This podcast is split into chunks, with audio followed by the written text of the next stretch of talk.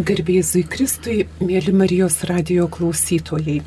Šiandieną laidoje kalbėsimės apie dorovinius ir moralinius principus, kurie lemia vaikų ugdymo kokybę, o taip pat yra svarbus mūsų visuomeniai. Kalbėsim apie gydytojos Marijos Montesori ugdymo principus moralinius ir dorovinius, kurie yra svarbus ir visuomeniai. Todėl ir pašnekovės yra šitos ryties specialistės, profesionalės, dirbančios su vaikais. Ir mūsų laidos viešnios yra Giedrė, Rūta ir Aušra.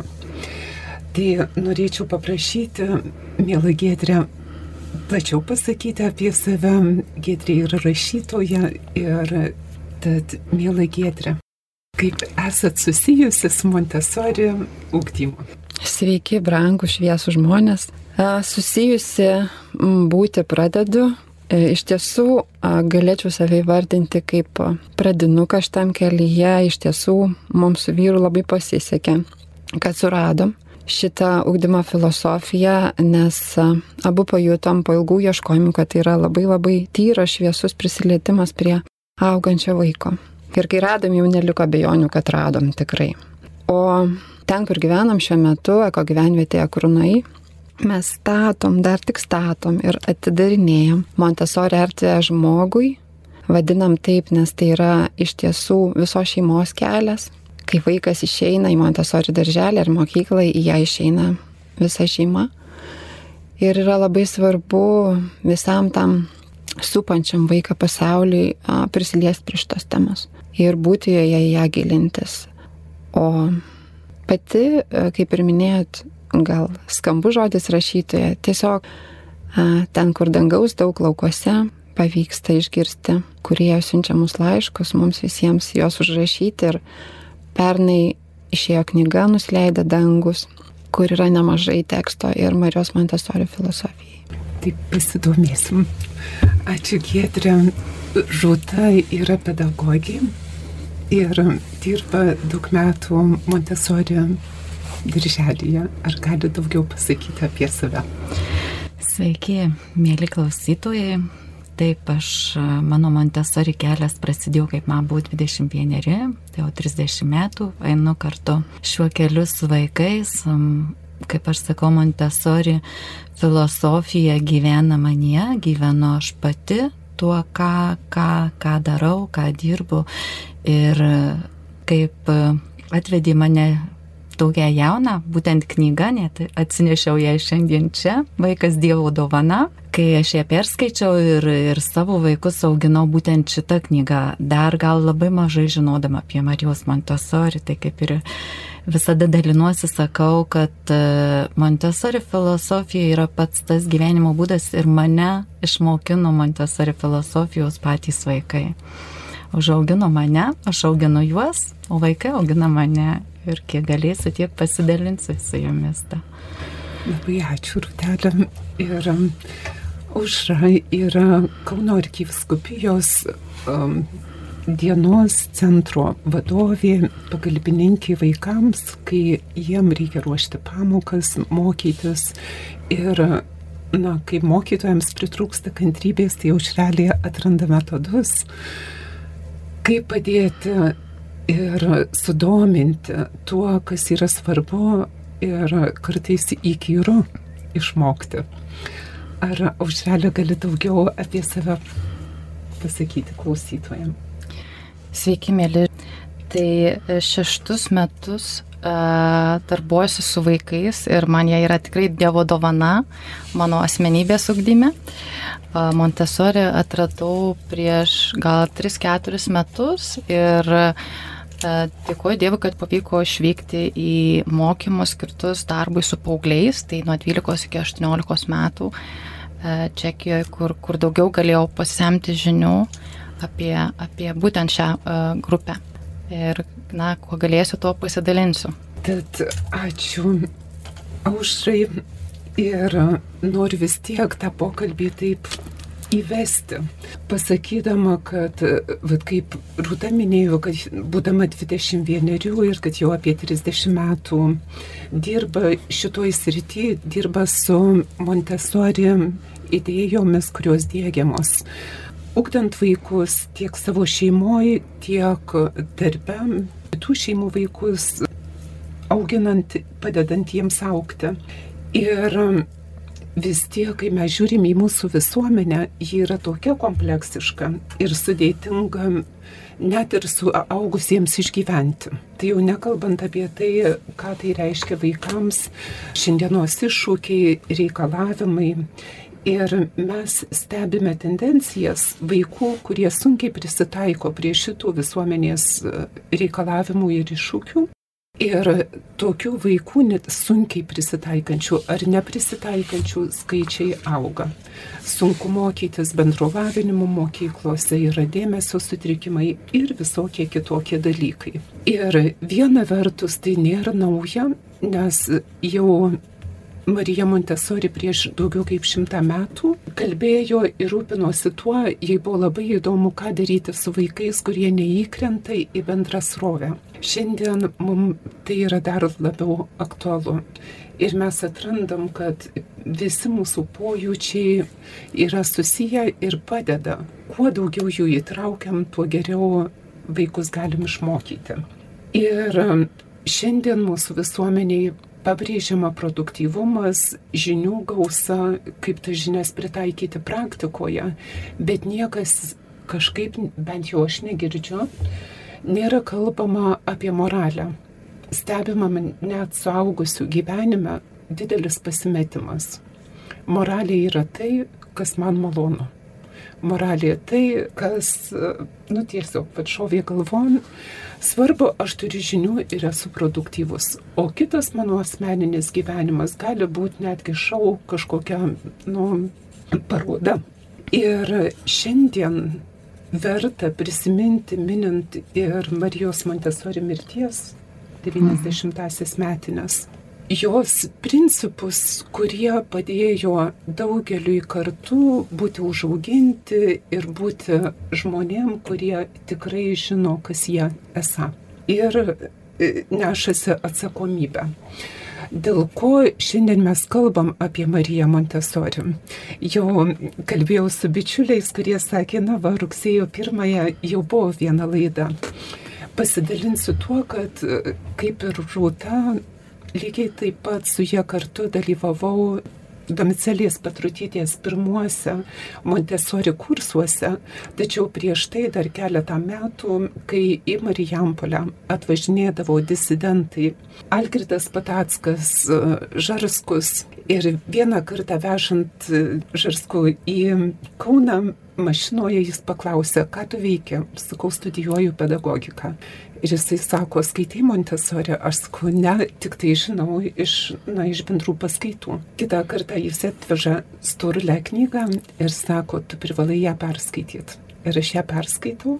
Ir tada dar iš mūsų vienuolijos seserų, sesers Albino, sužinau apie daktarę Oną Norušytę, kuri buvo Montesori studentė ir apsigynusi daktaro disertaciją pedagogikos grįžo į Lietuvą ir jos pirmosios studentės buvo mūsų vienuolijos seserys Marijampolėje ir savaitę ar daugiau mokėsi Montesori metodų, kad juos galėtų taikyti savo ir žemės ūkio mokykloje ir visur, kur jos dirbo darželiuose, vaikų namuose ir panašiai. Tai po šios ilgos įžangos noriu grįžti prie to klausimo, kodėl moraliniai principai yra tokie svarbus ūkdymo procese. Kokios buvo Marijos Montesori išvalgos ir turbūt dar verta priminti e, klausytojams, kad Marija Montesori ūkdydama na taip kabutėse, vadinamus atsilikusius vaikus, vaikus, kurie turėjo kokią nors proto lengvesnę ar sunkesnę negalę, jos metodų pagalba jie pasivydavo ir kartais aplenkdavo tą vidurinį mokyklinuką. Tad kaip čia dera moralė ir va ta produktyvi pedagoginė veikla? aš gal pagavau mintį, kuris krieja, tai noriu sureaguoti. Iš tiesų, gal nebuvo atsižvelgiama į žmogaus poreikius, į jo natūralią raidą, į, į tai, kas kritiškai svarbu tuo metu brestančiam žmogui. Nes mes visi e, keliaujam nuo to mistinio ūko taško į, į žemę ir Ir šitoje žemėje renkam patirtį, kad galėtumėm sukurti tą žmogų, kaip Marija Montessori sakė. Tai šitoj vietoj, man atrodo, yra labai labai svarbu paminėti pagarbą pačiam savo, pagarbą kitam žmogui, pagarbą aplinkai. Kai vaikas atėjęs į žemę e, susitinka su šiuo santykiu, su pagarbiu santykiu į jį, su pagarbiu santykiu tarp žmonių, su didžiulė meilė, pagarba ir tausojimu aplinkai, jisai atranda tą teisingą kelią būti pačiu gražiausiu žmogumi, koks jisai gali būti. Ar ne? Ir dėl to tos vertybės, kurios, kurios puoselėmos aplinkui, tampa juo ir jisai tikriausiai net ir nebeįsivaizduoja, kad galėtų būti kažkaip kitaip. Jisai jisai išvysto savyje visą tai, ką jis atsinešė savo dovanas ir gyvena gražų taurų gyvenimą. Tai tas mokslinių, akademinių, kažkokių tai sliųjų rezultatų siekimas, vien tik jų, tai yra vienas sparnas, su kurio paukštis nepaskrenda. Iš tiesų, Marija Montessori tiek buvo mokslininkė, tiek jinai turėjo labai stiprų dvasinį pasaulį ir matė gyvenimą iš dviejų pusių, kurias reikia sujungti. Tai šito dėka, man atrodo, ir galima pasitikėti pilnai šito jos ugdymo filosofiją, požiūrį į žmogų, nes, nes taip žmogus turi galimybę išvystyti dvi pusės, ne vien akademinius dalykus vystyti, bet ir pažiūrėti į gyvenimą per tą dvasinę pusę. Papildysiu Gedrė, labai gražiai apie pagarbą, bet tai aš praktikė, ne, ir daug kas pasakytų, nu čia lyg ir savoka pagarba, ale kaip, tą ne mes gerbiam savo vaiką. Tai viskas gražu, bet ką reiškia gerbti vaiką, nes vaikas ateina į aplinką, kurią sukuria suaugęs žmogus, jisai tampa priklausomas. Ir vaikas ugdo save, būtent jo yra darbas save ugdyti toje aplinkoje. Ir kaip Montesori išskyrė, saugęs ir vaikas. Saugęs sąmoningas, vaikas dar e, ateina, neturi to sąmoningumo, jis turi savyje tą sielą ir auga pats kuria. Ir vat Montesori labai gražiai perteikė, kad prašymą, būtent vaiko prašymą, padėkite man savyje ugdyti žmogų, kurti žmogų. Ką reiškia sukurti tą aplinką, kad jinai būtų pagarboje, tai pritaikyti, tai nereiškia, kad jie apipirkti gražiais žaislais, aprengti gražiais drabužėliais. Vaiką galima užauginti paprasčiausiai be vežimuko, be įmantrių tų lovyčių.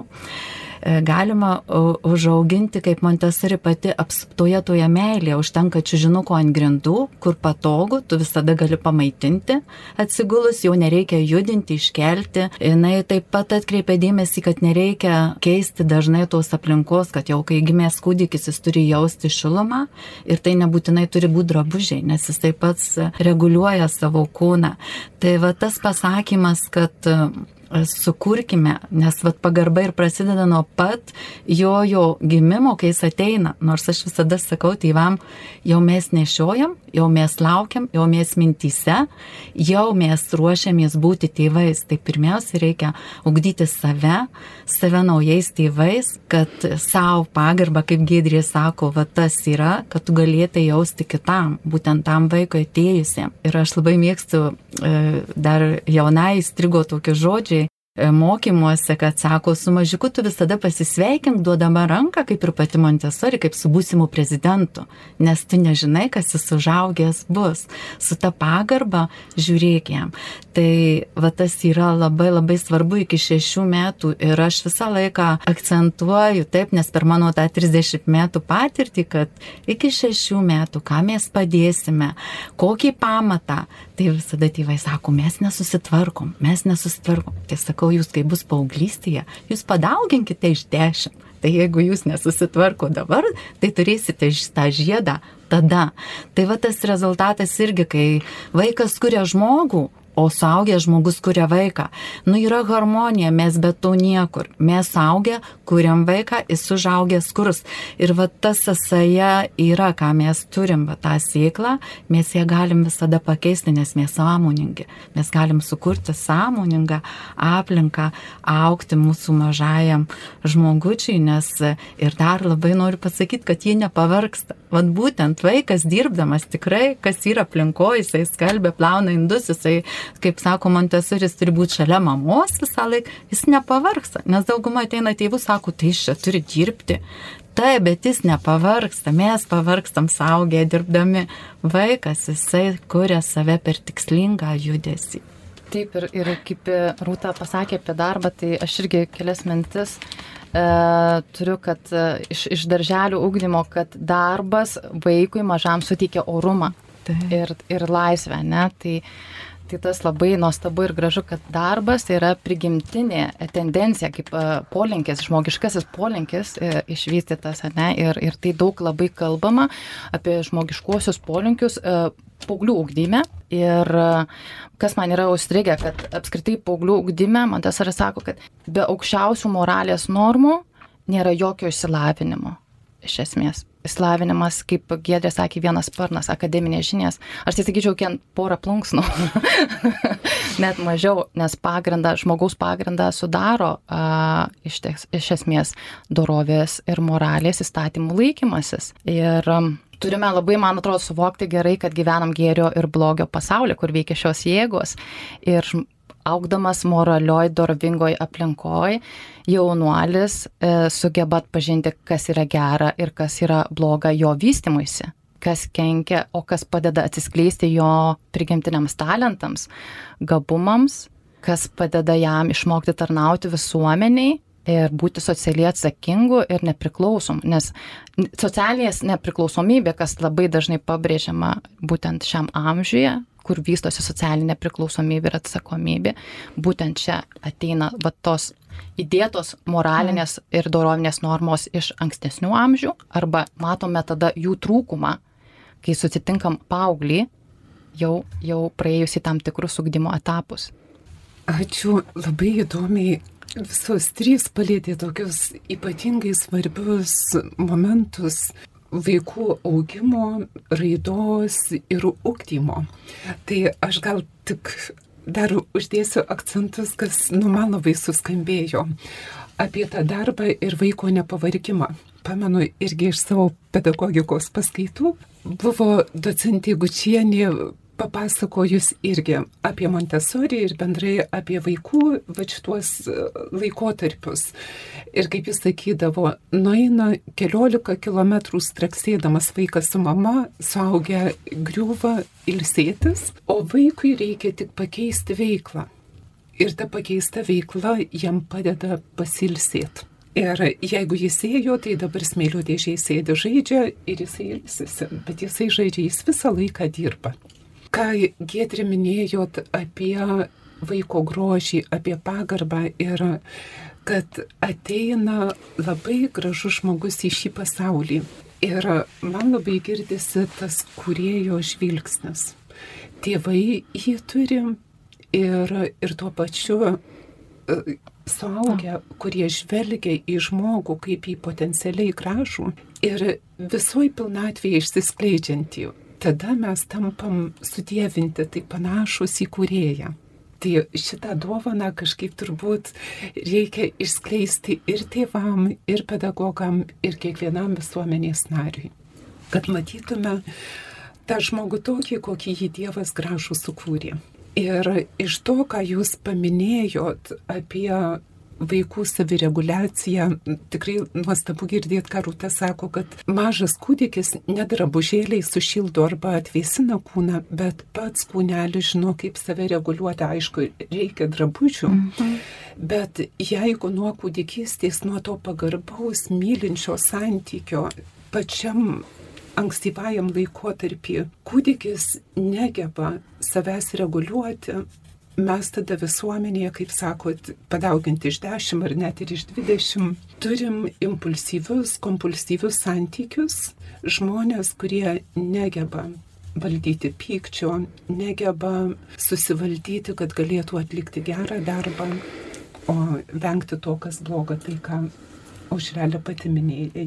Tai Marija Montesori gydytoja, pedagogė, mama, kuri labai jautriai žvelgia į vaiką. Ir turbūt ir žvelgia tuo kurėjo žvilgsniu ir tuo metu visuomeniai ji buvo tarsi, na, pranašė, ar ne, atpažinusi, kad yra atskiriamžiaus tarpsniai, kuriais vaikai turi savo jautriuosius laikotarpius. Kaip ji derina tuos ūkdymo principus prie vaiko amžiaus ir kodėl taip svarbu tas gėrio blogio pažinimas, moralė, kas yra tuose ūkdymo procese. Aš e, apie paauglius gal pasakyčiau, kad e, tai yra socialinis žmogus pradeda uh, save kurti paauglystėje, ne? Ir šitoj vietoj, aišku, labai labai svarbu, kad būtų vaikas praėjęs tuos etapus, bet jeigu kažką jisai praleidęs yra, tai jisai gali pasivyti. Ir Montessori duoda mini modelį, kaip turėtų atrodyti mokykla bendruomenė, jau skirta paaugliams.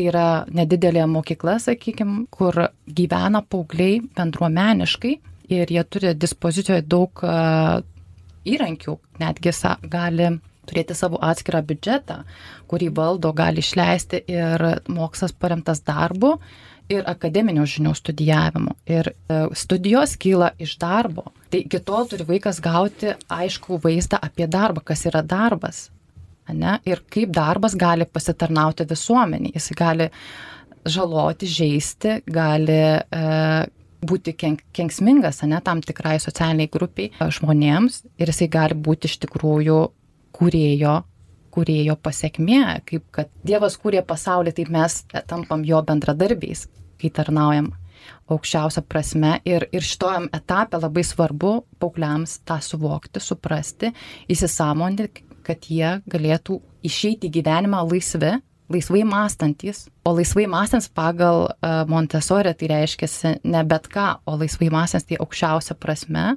apie gėrį mąstantis, kaip aš kursiu šiam pasauliu gėrį, kaip aš atsakingai elgsiuosi su gamta, su žmonėmis, kokią pridėtinę vertę atnešiu visuomeniai. Teko e, iš mokymų parsinešti tą žinią, kad sako daug studentų, mūsų mokslyvių, kurie jau išeina į vidutinės mokyklas, į aukštesnės, tai yra koledžus, e, sako, jie daug renk, dažnai renkasi socialinius mokslus, nes jie labai tampa jautrus. Šiai sryčiai iš tikrųjų yra, yra visokių, kurie pasirenka ir karo akademijas, ir, ir, ir kitas specialybės, bet iš esmės socialiai atsakingas, jautrus ir mylintis žmogus, ekonomiškai laisvas ekonomiškai tai reiškia, jis žino pinigų vertę, gal vėliau paliesim šitą, žino kaip panaudoti šitą įrankį gėriui kurti.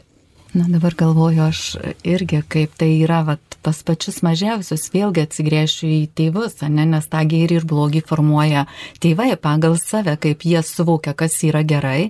Ir tuos pirmosius, kaip aš, nu, pradmenis ir e, iš tėvų gauna. Dabar kas vyksta augdyme, labai man tas, kad Montesori, nu, niekada neparodyt vaikam klaidos.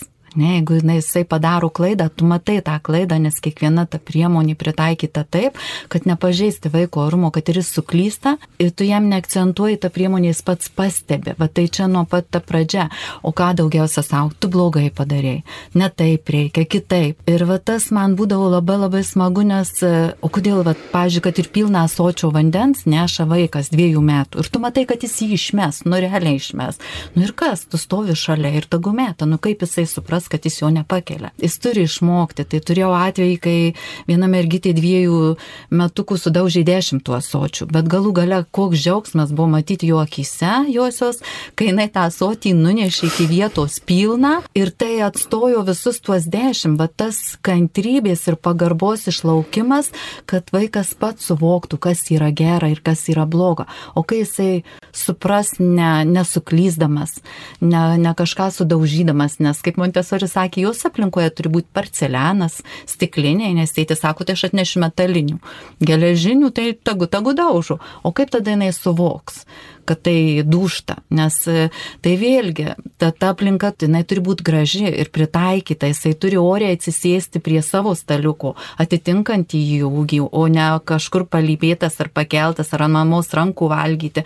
Tai vėlgi prasideda, vat, pati ta pradžia yra nuo paprastų gyvenimiškų žingsniukų, auga vaiko orumas, auga ta pagarba į jį kaip į žmogų, pritaikyti jo jau tą aplinką vat, visais tais, kad jis pats galėtų save apsitarnauti, nesvarbu kiek jam metų - du, pusantrų, trys, keturi, penki, šeši, bet kad jis ir, ir iš tikrųjų labai džiugu žiūrėti, kaip vaikai vat, su vandeniu yra netgi irgi, kad kiti, nu tai peršals, nes, o, o iš mano patirtis rodo, kad kuo daugiau vaikas dirba su vandeniu iki trijų metų, būtent iki trijų, lavėja labai jau loginis mąstymas. Ir aš jau netgi toks mano pačios tyrimas, kad vaikai dirbantys su vandeniu daug tikrai išauga puikus matematikai. Ir turiu pavyzdžius užaugusius vaikus, kur žaviuosi tuo, nes tikrai jie plaunasi rankas, sakykime, tą pratimą būdavo atliko dešimt kartų iš eilės iš eilės visus, tai kokį pusvalandį viską susitvarko ir vėl plaunasi. Tai yra nuostabu stebėti va tą ir aš kiekvienam iš tėvų linkiu kantrybės išlaukti iki galo, pastebėti savo ir kaip sakot apie žarskų, kur va man patinka, kad tie vaikai, kur netinka, į tą dėžutę, ar kaip pasakyt. Tai aš skaitau, kad tai yra tikri Montessori vaikai ir jeigu aš jų turiu, tai žinokit, žiūrau su pasimėgavimu, kaip jie lytai viską daro, kaip jie mokina mus kantrybės.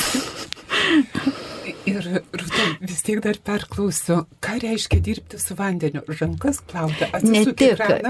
Ne, vat, taip, vat, tai yra gyvenimo praktikos pratimai, neįlė, kur, kur man tėvai, tai jūs čia dirbat, vat, būtent, nes mes plaunamės rankas, sautėlis, gražus staliukas tam pritaikyta jo ūgio, kuris su sautėliu gražiai nueina, įsipila vandens, atsineša, įsipila į dubinį, pasima muilą, gražiai išsimuiluoja, paskui paima rankšluostuką, nusivalo, tada tada viską išpila ir gražina atgal. Tai jisai suvaikštų už taip labai daug, nes atstumas yra didelis. Tai vad plaunamės rankas, plaunam indus irgi ir gali kažkam skambėti keistai, išluojam, patys prisidėžiam, išluojam. Sventuvai yra atskiri gyvenimiški pratimai, kuriuos gali daryti vaikai šeimoje kartu su mama ir tėčiu. Ir tai nieko nekainuoja. Ačiū. Klausim rankas. Gal matematika geriau seksis. Taip. Aš matau, mes visos atstovavom e, įvairius amžiaus tarpsnius. Vat, iš tiesų, aš pati studijuoju Prahos Montessori institute 6-12 amžiaus tarpsnį, tai pradinis ugdymas, kuris vadinamas labiausiai akademišku, nes reikia pasėti daugiausiai įvairių mokslų sieklų. E, bet šitoj temai, kaip jūs kalbėjote apie moralę, apie dorovę, ką man norėjosi pasakyti, kad Vaikas iki šešių metų išaugęs toj šiltoj, saugioj, pamatiniai, pačioj pačioj svarbiausioj temoj plotmėje, jisai šties šešiais metais pradeda domėtis išoriniu pasauliu ir žiūrėti, ar tie principai, kurie buvo viduj, ar jie veikia ir išoriai. Todėl a, vaikai ta, tampa judrus, jie nori daug keliauti, jie nori aplankyti savo draugų šeimas, netgi ten ir nakvoti, kas ne visada patinka tevams, kurie yra pripratę vaikučius turėti šalia.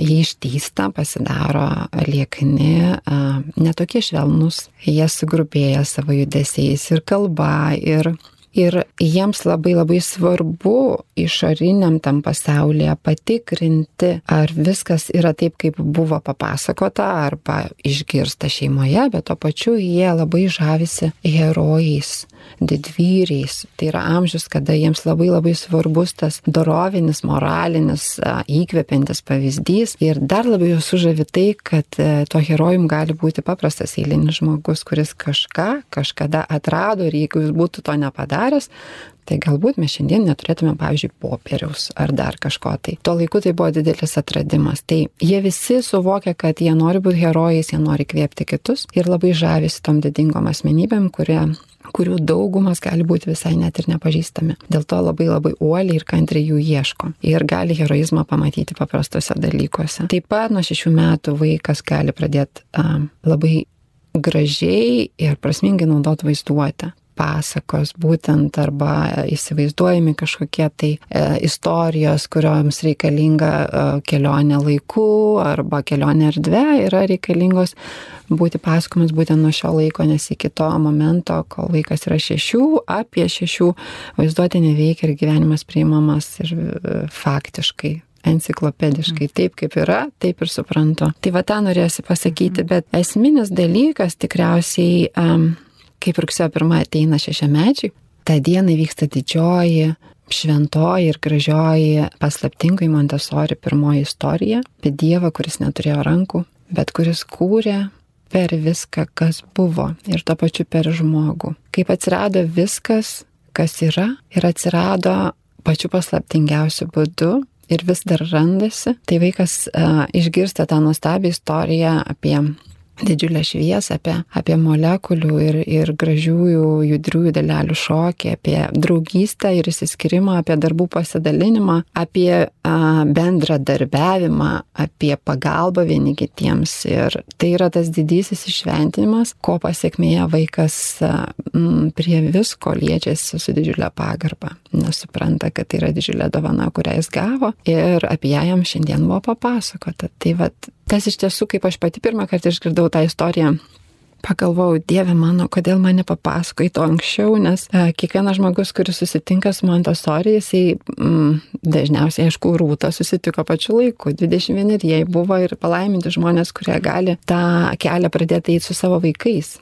Kiti, e, jie iššoka į tą kelią, kada jie iššoka ir irgi yra palaiminti, tik tais reikia daug greitesnių, greitesnių būdų save keisti, nes iš tiesų yra a, didžiulis, ateina, integruojasi didžiulis suvokimas, kiek daug yra padaryta, kaip man norėjosi, o ne kaip reikėjo. Taip gimsta mūsų tiesiog kopijos, mes kopijuojam, dauginam tai, kas netobula ir kas, kas yra taisytina, kas yra nedekvatu pagal natūralią žmogaus raidą, jeigu mes nežinom. Dėl to nežinojimas yra iš tiesų didžiulė bausmė. Labai linkiu visiems sužinoti.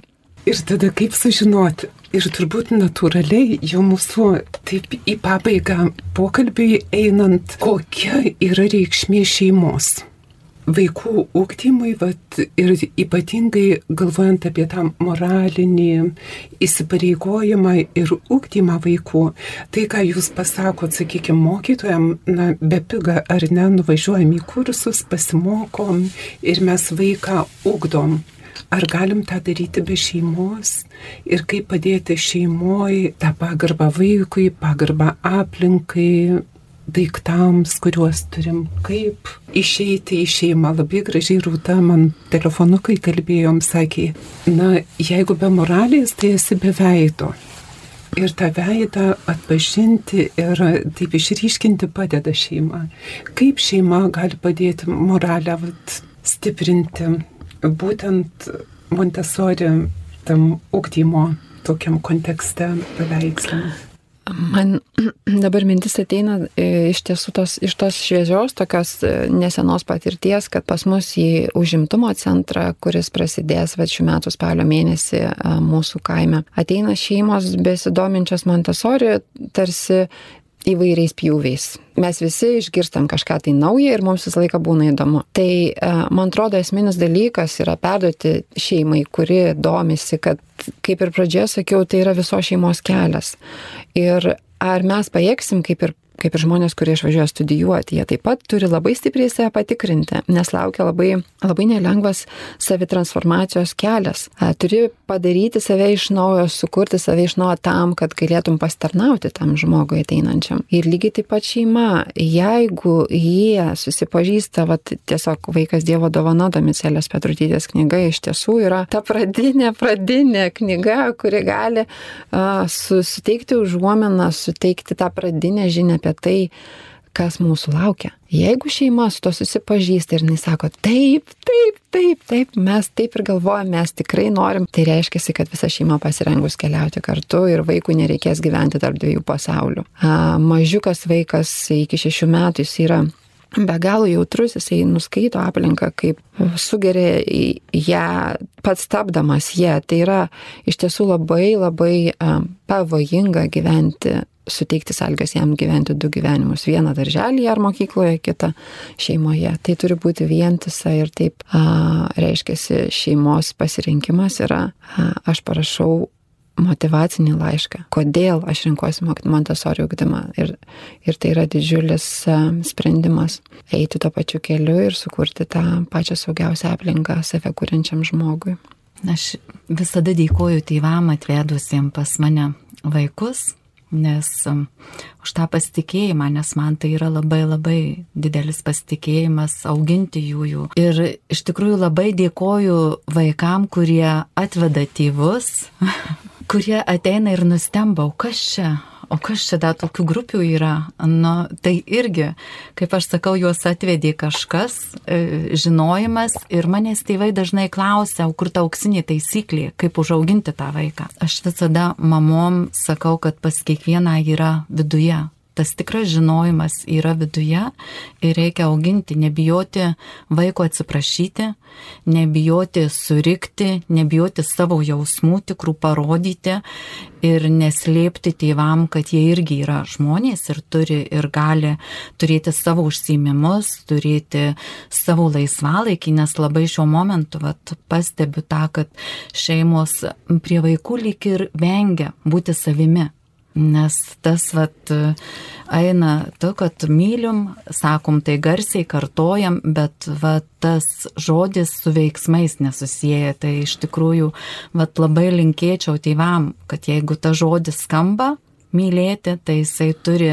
turėti ir turėti, kaip aš sakau, tą jau ir veiksmą, ir matytis. Net gal jo jau ir nebūtina sakyti, nes ir o ką kaip e, pasiekti, nu kaip aš, tai, tai kaip yra vaiko rankose. Aš visą laiką sakau, nu, nu, tai yra Dievo rankose, nes kiekvienas mes esam sukurtas ir, ir manau, kad tiek tie, tiek tie yra reikalingi mūsų toj ir, ir, ir ten, kur yra, ir tuo metu, kur yra. Taip, kad linkiu vieni kitiem auginti save ir tėvams stebėti besiskleidžiant į tą žiedą ir ne, ne per prievartą, bet su grožiu, su meilė stebėti, kaip galų gali stebėti kaip auga jų jų atžala ir tai jau, jau bus daug. Taip, um, apie paauglystės laikotarpį, tai šeima taip pat yra svarbi šitame etape, tik jau paaugliui labiau uh, trokšta būti su bendramžiais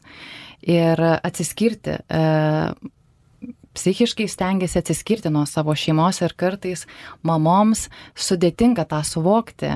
Jos vis dar nori skalbti, mhm. tvarkyti, valgyti daryti ir taip sutrukdo vaiko e, paauglio sklandų vystimasi, kai uh, dalį darbų, kuris, kuriuos jis gali padaryti laisvai pats ir turėtų tai daryti, jos vis dar nenori jiems atiduoti. Ir tam etapė svarbu, kad jau paaugliai mokėtų tvarkyti su pinigais, atsakingai juos leisti, e, tikslingai juos leisti, kad jie galėtų užsidirbti juos ir, ir patirtų pasiekmes, kai juos netikslingai išleidžia. Tai Montesori būtent siūlė gyventi bendruomeniai mokykloj, kartu, kur aišku, A yra aukštos moralės ugdytojai, šalia jų e, dėl to, kad e, e, tai yra svarbu suaugusio palydėjimas, bet e, paaugliai jau pakankamai gerai gali tvarkytis ir kurti socialinį gyvenimą patys. Ir ta bendruomenė yra iš tikrųjų apsauga nuo šios dienos visuomenės negatyvios įtakos. Tai yra nuo perdėtos reklamos, medijų, konkurencijos, melagingų varžybų ir, ir kitų dalykų, kuriuos mes sutinkame šiandienos visuomeniai. Ir man patiko viena frazė, kad esame žvaigždžių dulkės, visi labai susiję iš esmės. Kuo labiau uh, paaugliai pajunta, kad yra vienas nuo kito priklausomi, reiškia, mano santykis veikia ir visą kitą bendruomenę, tai mokyklos bendruomenė ir taip toliau, tai uh, jie supranta, kokios gali būti negatyvios pasiekmes, jeigu aš taip toliau elgsiuosi, ne? Tai šitoje vietoje labai svarbu e, duoti paaugliams patirti atsakomybę, socialinę atsakomybę, ugdyti socialinę būtybę šitame etape, tai nuo, nuo 12 iki 18.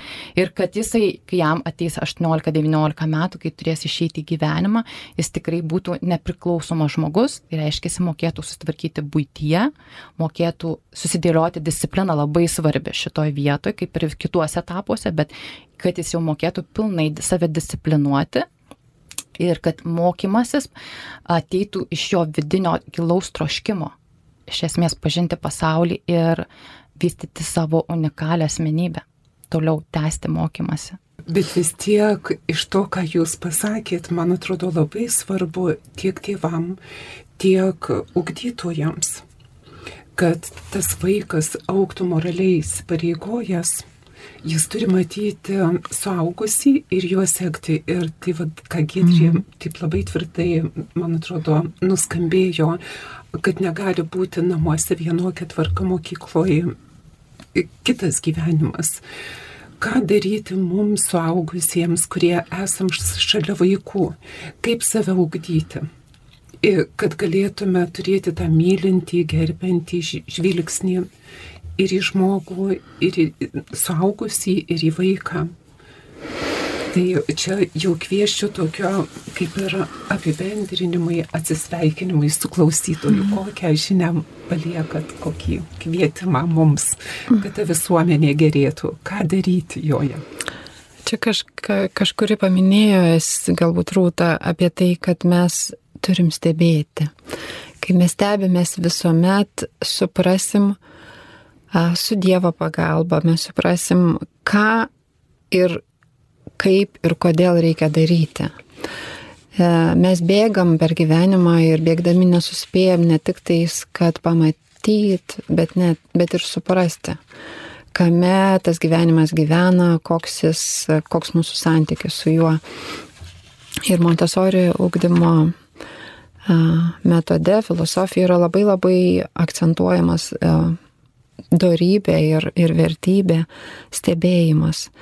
Jeigu mes priprasim sustoti ir, ir pažvelgti į tą žmogų, kuris kažko ieško, mes galbūt iš savo suaugusio patirties, o taip pat ir su aukščiausio pagalba mes suprasim, ko jis ieško ir galbūt galėsim padėti jam tai surasti. Tai a, mano palinkėjimas savo pačiai ir visiems, kurie atsiraštam šventam keliui, išmokti turėti kantrybės, išmokti sustoti, daryti visą, ką gali geriausia, išieškoti iš savęs tą užmirštą tyrumą, švarą, tą nuostabų tikėjimą gėrių. Ir jeigu to neužteks, kaip, man atrodo, vaikystės paslapty yra parašyta, kai aš išbandau viską ir nieks neveikia, tai vienintelis dalykas, kada suveikia tikrai aš atsiklaupiu ir pasimeldžiu ir prašau Dievo pagalbos. Aš iš tikrųjų norėčiau pabaigti žodžiais, kur pas mane grupė yra, kur Gedriai sakė patiko, kad e, aš jūsų prašymu atėjau į šį pasaulį išmokyti jūs mylėti, o jūsų prašau, padėkite man kurti savyje žmogų. Aš norėčiau priminti tėvams, kad paaugliai e, gali būti e, šiurkštus, gali būti grūbus, gali galbūt kalbėti uh, nemandagiai, bet iš tikrųjų jie labai labai jautrus yra e, bet kokiai kritikai, jautrus pasauliui, jiems reikia pripažinimo. Ir čia labai svarbu būti kantriam su paaugliais, bet kartu neužgošti jų vystimosi šitam etape ir leisti daryti klaidas ir patirti pasiekmes. Tai tokios kantrybės ir, ir kad Dievo malonės visada iš tikrųjų lydėtų tas šeimas, kurios susitinka su tais sunkumais paauglystėje. Mėly Marijos radio klausytojai, šiandieną apie moralės svarbą vaikų ūkdymui ir kaip tai atliepia visuomeniai. Kalbėjomės su Montessori ūkdymo e, praktikuotojomis. Giedrė, Rūta ir Užra. Labai jum ačiū ir e, užbaigti norėčiau Domicelės Petrutytės, kuri prieš savo gyvenimo pabaigą buvo pasikvietusi pas save į namus, gal 97-aisiais. Tie namai buvo dailininko Varno, jis aišku jau buvo iškeliavęs ir tas mūsų paskutinis susitikimas, pokalbis nu, buvo labai jautrus. Ir jinai sakė, aš nežinau, ar Lietuvoje beprigis tokia Montesori ugdymo sistema, kokią mes ją dėgiam pirmos nepriklausomybės laikotarpiu. Ar bet yra žmonių ir šiandieną mes matom proveržį tokio tikro su moraliniu, dvasiniu pamatu. Montesori vizijos įgyvendinimą, kuri ateina netgi iš įvairių mokyklų, ne tik Lietuvos, bet Gedri minėjo Čekiją ir aušelė taip pat ir Švedijos, Norvegijos ir kitų šalių patirtis, kuri na, šimtą metų jau yra praktikuojama. Ačiū Jums, mielosios, kad važiavo tokį ilgą kelią į studiją.